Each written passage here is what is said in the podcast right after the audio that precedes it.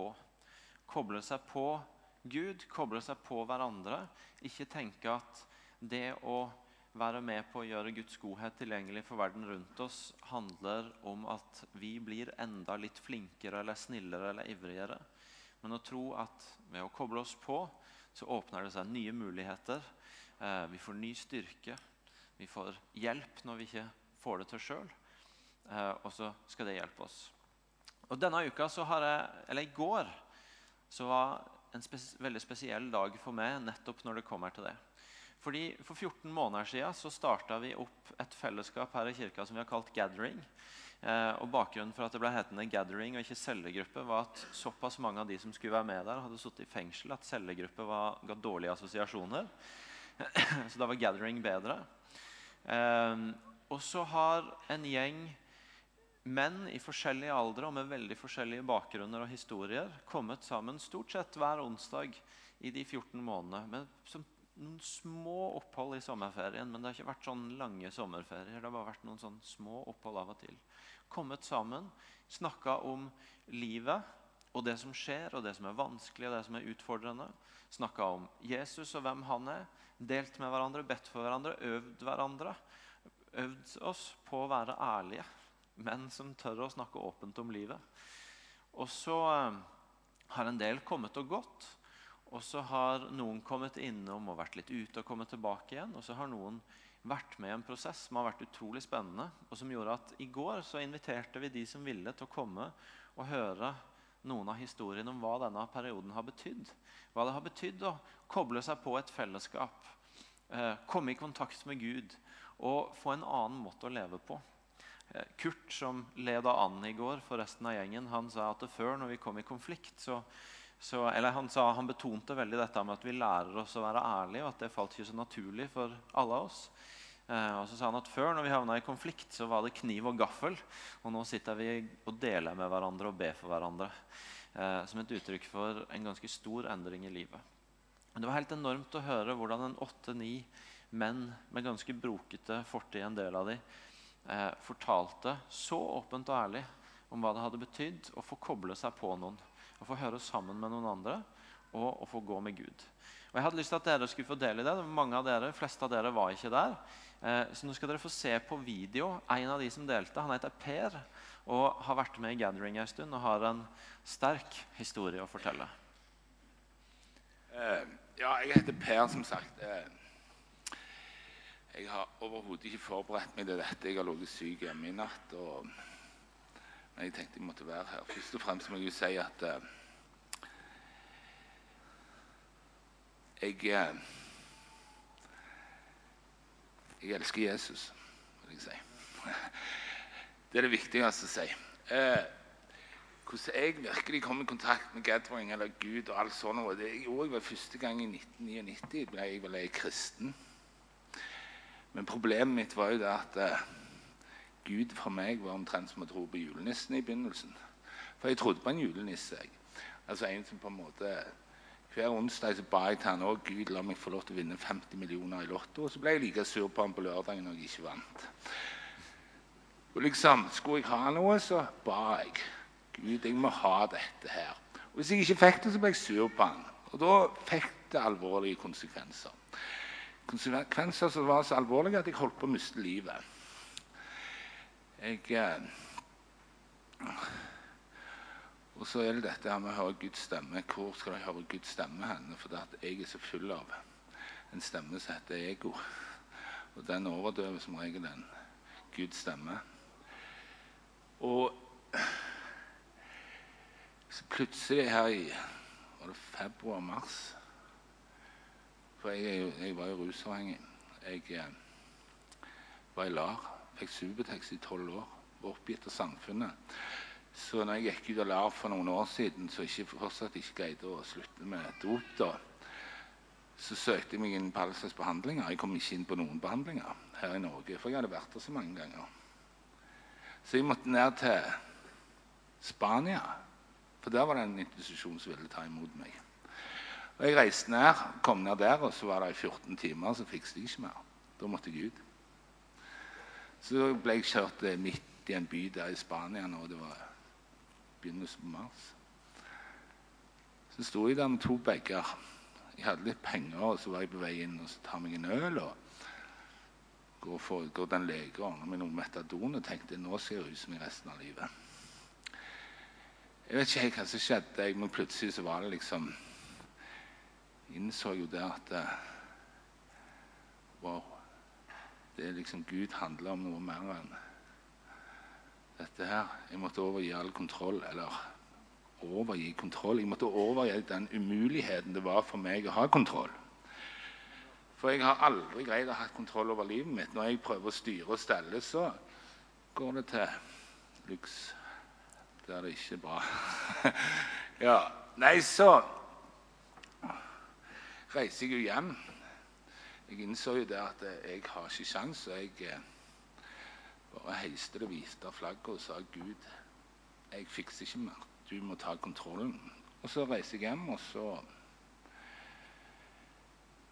var jeg temmelig abstinense når jeg var med Jeg, var, jeg går jo i en annen selvhjelpsgruppe, og der traff jeg han lille mannen der. Så han dro meg med her. Og så husker jeg jeg satt her og var så abstinense. Jeg, husker jeg var i gruppe med Kjetil der. Og liksom jeg skjønte ikke hvordan i all verden skal jeg klare å bli nøktern. Hvordan skal jeg klare å få et godt liv? Og helt ærlig så har jeg ikke klart det, men Gud har klart det. På en eller annen måte. Gud har grepet inn.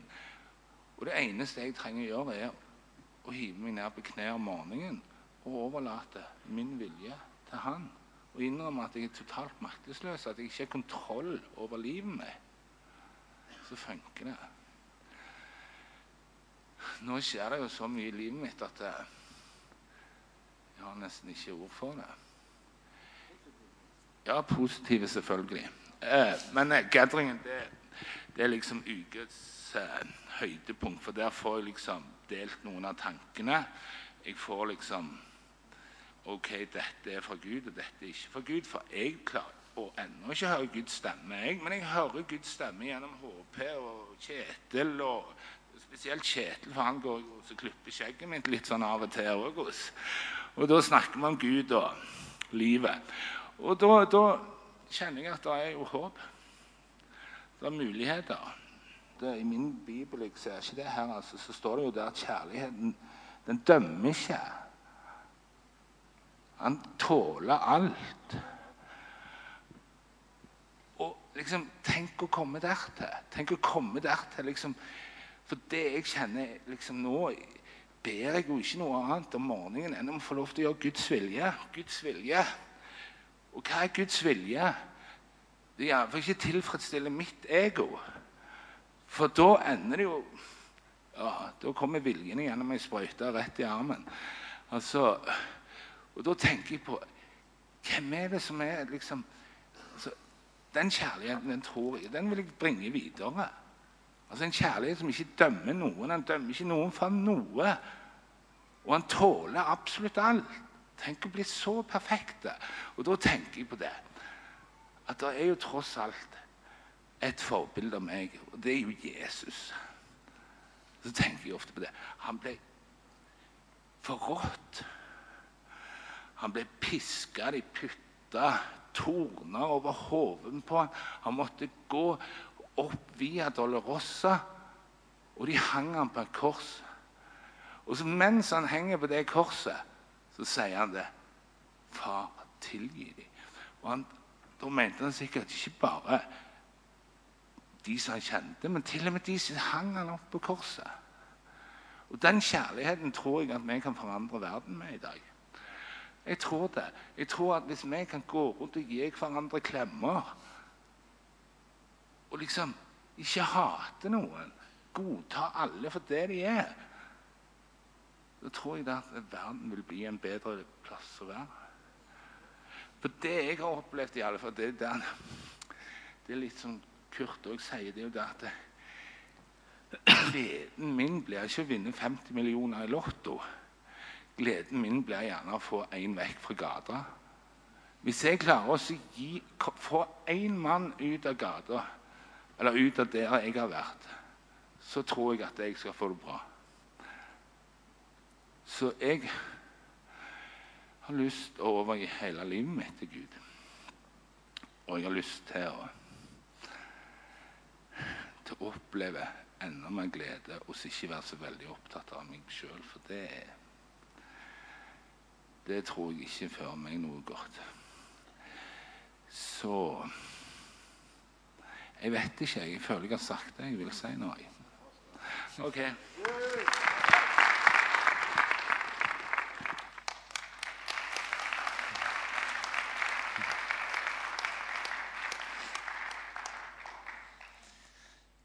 er ganske fantastisk.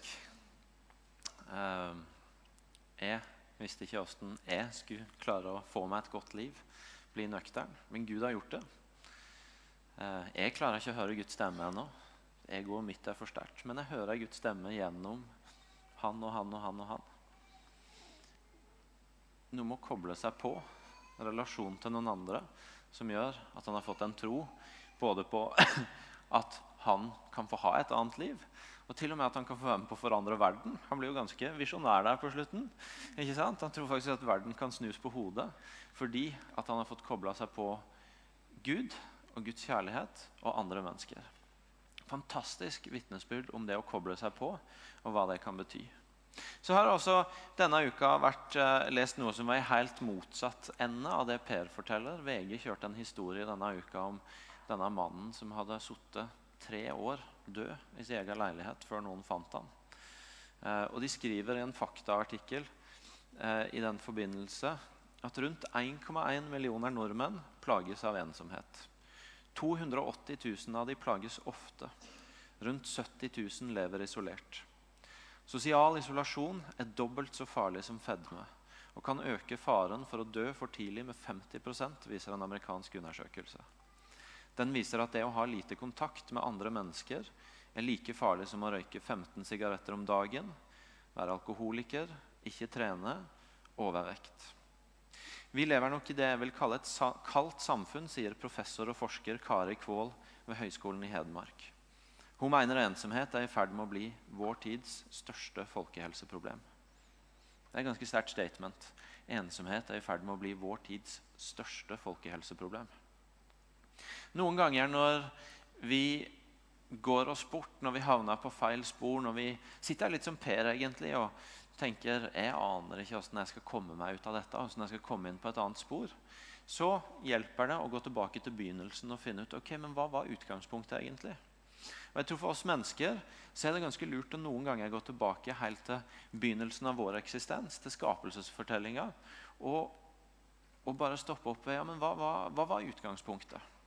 I eh, første Mosebok, kapittel 1, vers 26, så står det Gud sa, 'La oss lage mennesker i vårt bilde, så de ligner oss.'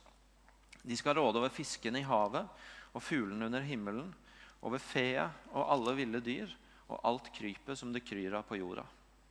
Og Gud skapte mennesket i sitt bilde. I Guds bilde skapte han de, som mann og kvinne skapte han de. Gud velsigna de og sa til de, Vær fruktbare og bli mange. Fyll jorda og legg den under dere. Dere skal råde over fiskene i havet og over fuglene under himmelen, over alle dyr som det kryr av på jorda. Og Gud sa, Se, jeg gir dere alle planter som setter frø, alle som finnes på hele jorden, og alle trær som bærer frukt med frø i. Det skal dere ha å spise. Og til alle dyr på jorda og til alle fugler under himmelen og til alt som kryper på jorden, alt som har livsånd i seg, gir jeg alle grønne planter å spise. Og det blei slik. Gud så på alt det han hadde gjort, og se, det var godt. Og det ble kveld, og det ble morgen sjette dag. Skal vi lese fra kapittel 2, vers 8-9. Herren Gud planta i gammel tid en hage i Eden. Der satte han menneskene, mennesket han hadde forma. Og Herren, Gud, Herren Gud lot alle slags tær vokse opp av jorda, forlokkende å se på og gode å spise og midt i hagen livets tre og treet til kunnskap om godt og ondt. Så Det vi har lest nå så langt, sier at Gud skapte mennesket. Han skapte det i sitt bilde, og han så at det var godt. Der står til og med at det var svært godt, det han hadde skapt den dagen. Litt, ta litt ekstra i på å si at dette var bra. Dette var en god dag, en god dag for skapelse, når han hadde skapt mennesket i sitt bilde. Og så leser vi altså at han planta mennesket i sin hage, i sin virkelighet, der hvor alt det gode Gud har å by på. Han, han planta mennesket midt i det, midt i den virkeligheten. Og Så står det likevel i kapittel 2, vers 18 at da sa Herren Gud det er ikke godt for mennesket å være alene. Jeg vil lage en hjelper av samme slag. Herren Gud forma alle dyra på marken og alle fuglene under himmelen av jord. Han førte de til mennesket for å se hva de ville, hva de ville kalle dem. Det som mennesket kalte hver levende skapning, det fikk den til navn. Mennesket ga navn til alt fe og til himmelens fugler og til alle villmarkens dyr. Men til seg sjøl fant mennesket ingen hjelper av samme slag. Da lot Herren Gud en dyp søvn komme over mannen. Mens han sov, tok han et ribbein og fylte igjen med kjøtt. Av ribbeinet Herren Gud hadde tatt fra mannen, bygde han en kvinne, og han førte henne til mannen. Da sa man, nå er det bein av mine bein og kjøtt av mitt kjøtt. Hun skal kalles kvinne, for av mannen er hun tatt. Derfor skal mannen forlate sin far og sin mor, holde fast ved sin kvinne, og de to skal være én kropp. Begge var nakne, både mannen og kvinnen, og de skamma seg ikke for hverandre. Det var ikke godt for mennesket å være alene. Derfor så, og så ser vi jo at Det var heller ikke noe annen skapning som kunne erstatte det å ha fellesskap med et annet menneske. Så Når Gud prøver å sende andre skapninger, så blir ikke det helt det samme. Og så skaper han et menneske til. Og så sier mannen sjøl at 'nå er det bein av mine bein og kjøtt av mitt kjøtt'. Hun skal kalles kvinne, for mannen er uttatt.» tatt. Nå fant, de en, fant det første mennesket en å leve sammen med. To ting ved dette her. For det første det er verdt merke, for oss å merke oss jeg sa det på Visjonssøndag nå hvis du var der, at sjøl i en perfekt verden, hvor alt var godt, hvor ikke noe av synd, av det som er dødskrefter, av det som skaper uorden i vår verden, var trådt inn.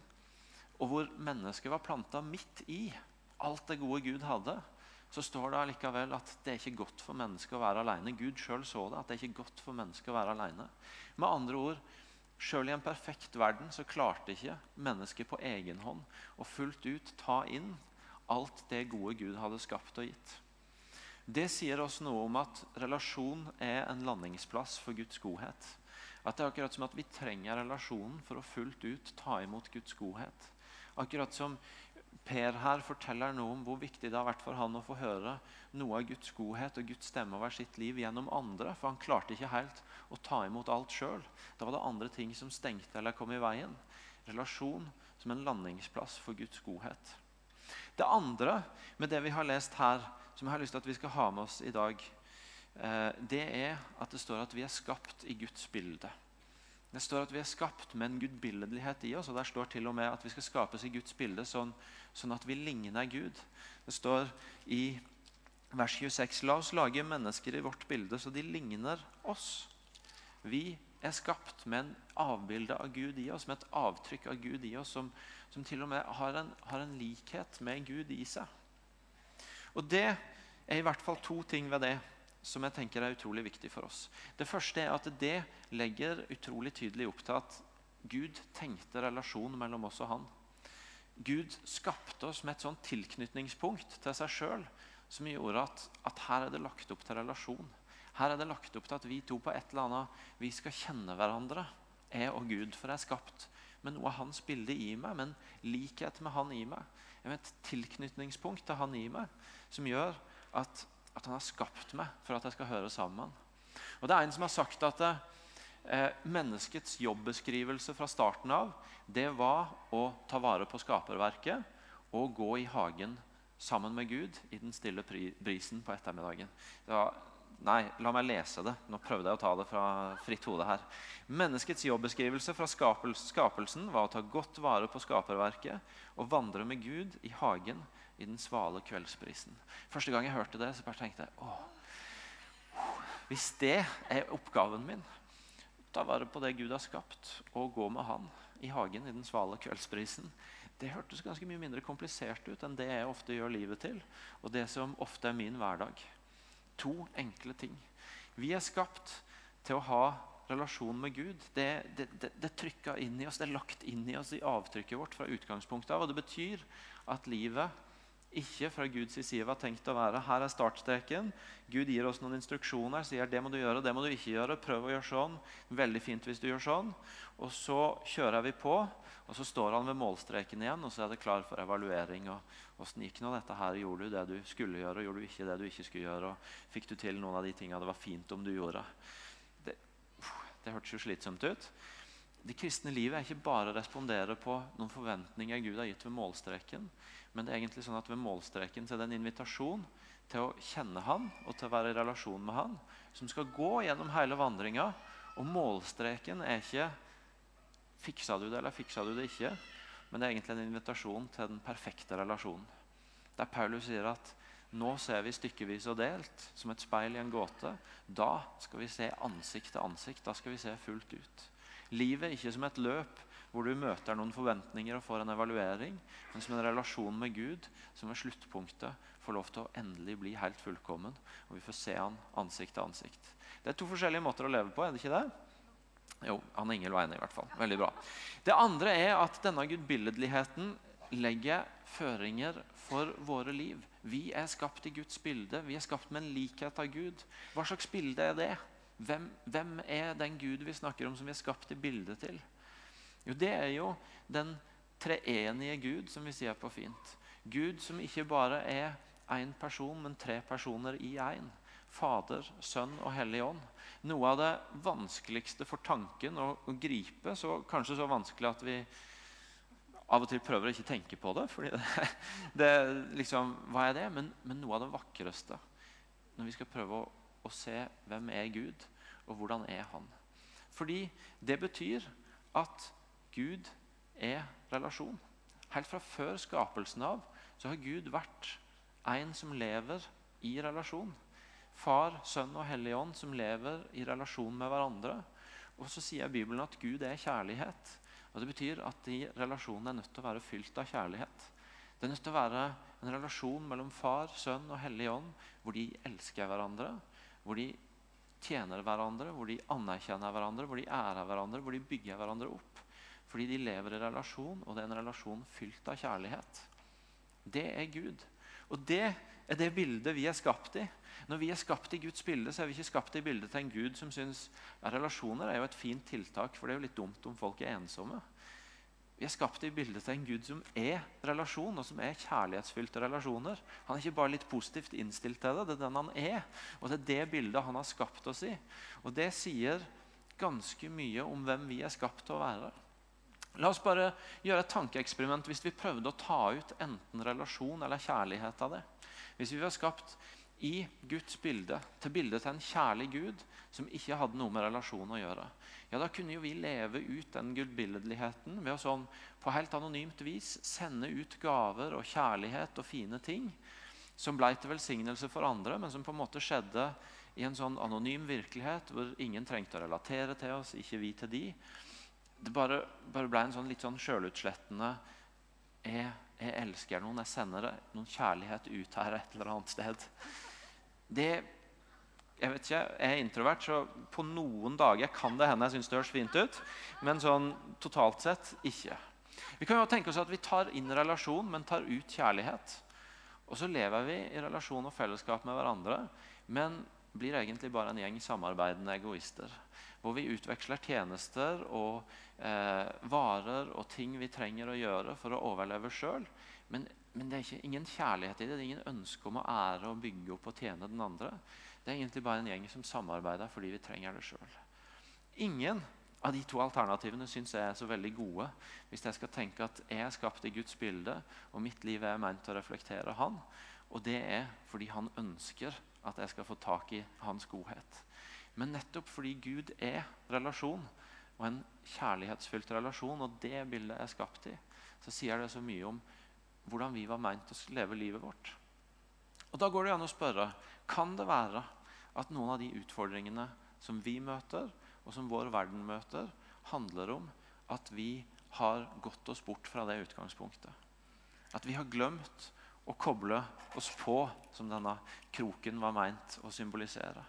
At vi har glemt, som Per, å sette oss ned i det fellesskapet og si at ok, men hvis ikke jeg klarer å høre Gud, så kanskje noen andre klarer det. Hvis ikke jeg klarer å skape meg et godt liv, så kanskje Gud og disse vennene klarer å gjøre det jeg ikke klarer. Kan det være sånn at noe av det som er ute av balanse, noe av grunnen til at, uh, at, at ting ikke er som vi hadde tenkt, handler om at vi har gått bort fra det utgangspunktet. Er det kanskje ikke så rart, hvis det var sånn vi var skapt, at det blir et stort folkehelseproblem hvis 1,1 million nordmenn kjenner på ensomhet, og 70 000 av de lever isolert? Det er kanskje ikke så rart hvis vi var konstruert for et helt annet liv fra utgangspunktet av. Hvis vi var skapt på en helt annen måte. Det ser ut som Jesus er enig i det. Fordi I det dobbelte kjærlighetsbud i Matteus 22, når han får spørsmål om hva er det viktigste av alle buda, hva er det viktigste eh, vi kan gjøre hvis vi ønsker å leve det livet Gud sier at vi skal leve, så sier han men det er to ting. Elsk Gud, og elsk de neste som deg sjøl. Lev i relasjon med Gud og lev i relasjon med folk rundt deg. Det er det viktigste du kan gjøre for å oppfylle loven. Det er akkurat som om Jesus peker oss tilbake til utgangspunktet. Til der alt starta. Så sier han, beveg dere mot det. Beveg dere mot den virkeligheten hvor utgangspunktet var at du er skapt med et avtrykk som handler om relasjon og kjærlighet som flyter i den relasjonen. Det var utgangspunktet. Jesus peker oss dit. Og så vet jeg og så vet du at vi lever i en virkelighet som ikke er perfekt. og Derfor er heller ikke alle relasjoner perfekte. Noen relasjoner binder, noen relasjoner bryter ned, noen relasjoner sårer. Og det er dessverre en del av den virkeligheten vi lever i. Det som allikevel er et utrolig dårlig alternativ, det er å tenke at ja, men da dropper jeg relasjoner.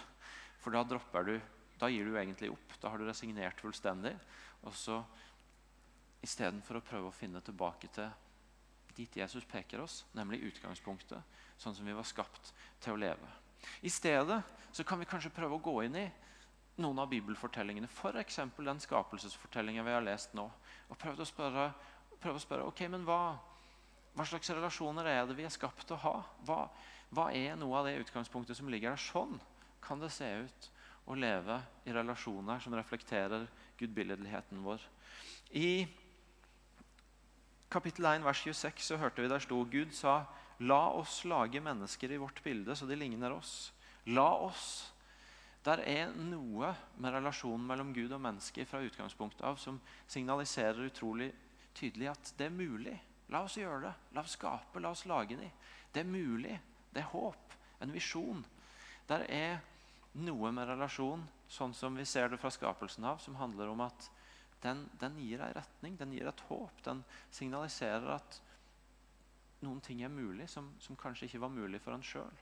Akkurat som Per sa, at jeg kunne ikke se for meg å skape et godt liv. Men fellesskap, relasjonen med Gud og fellesskapet sa det er mulig. Um, vers 28.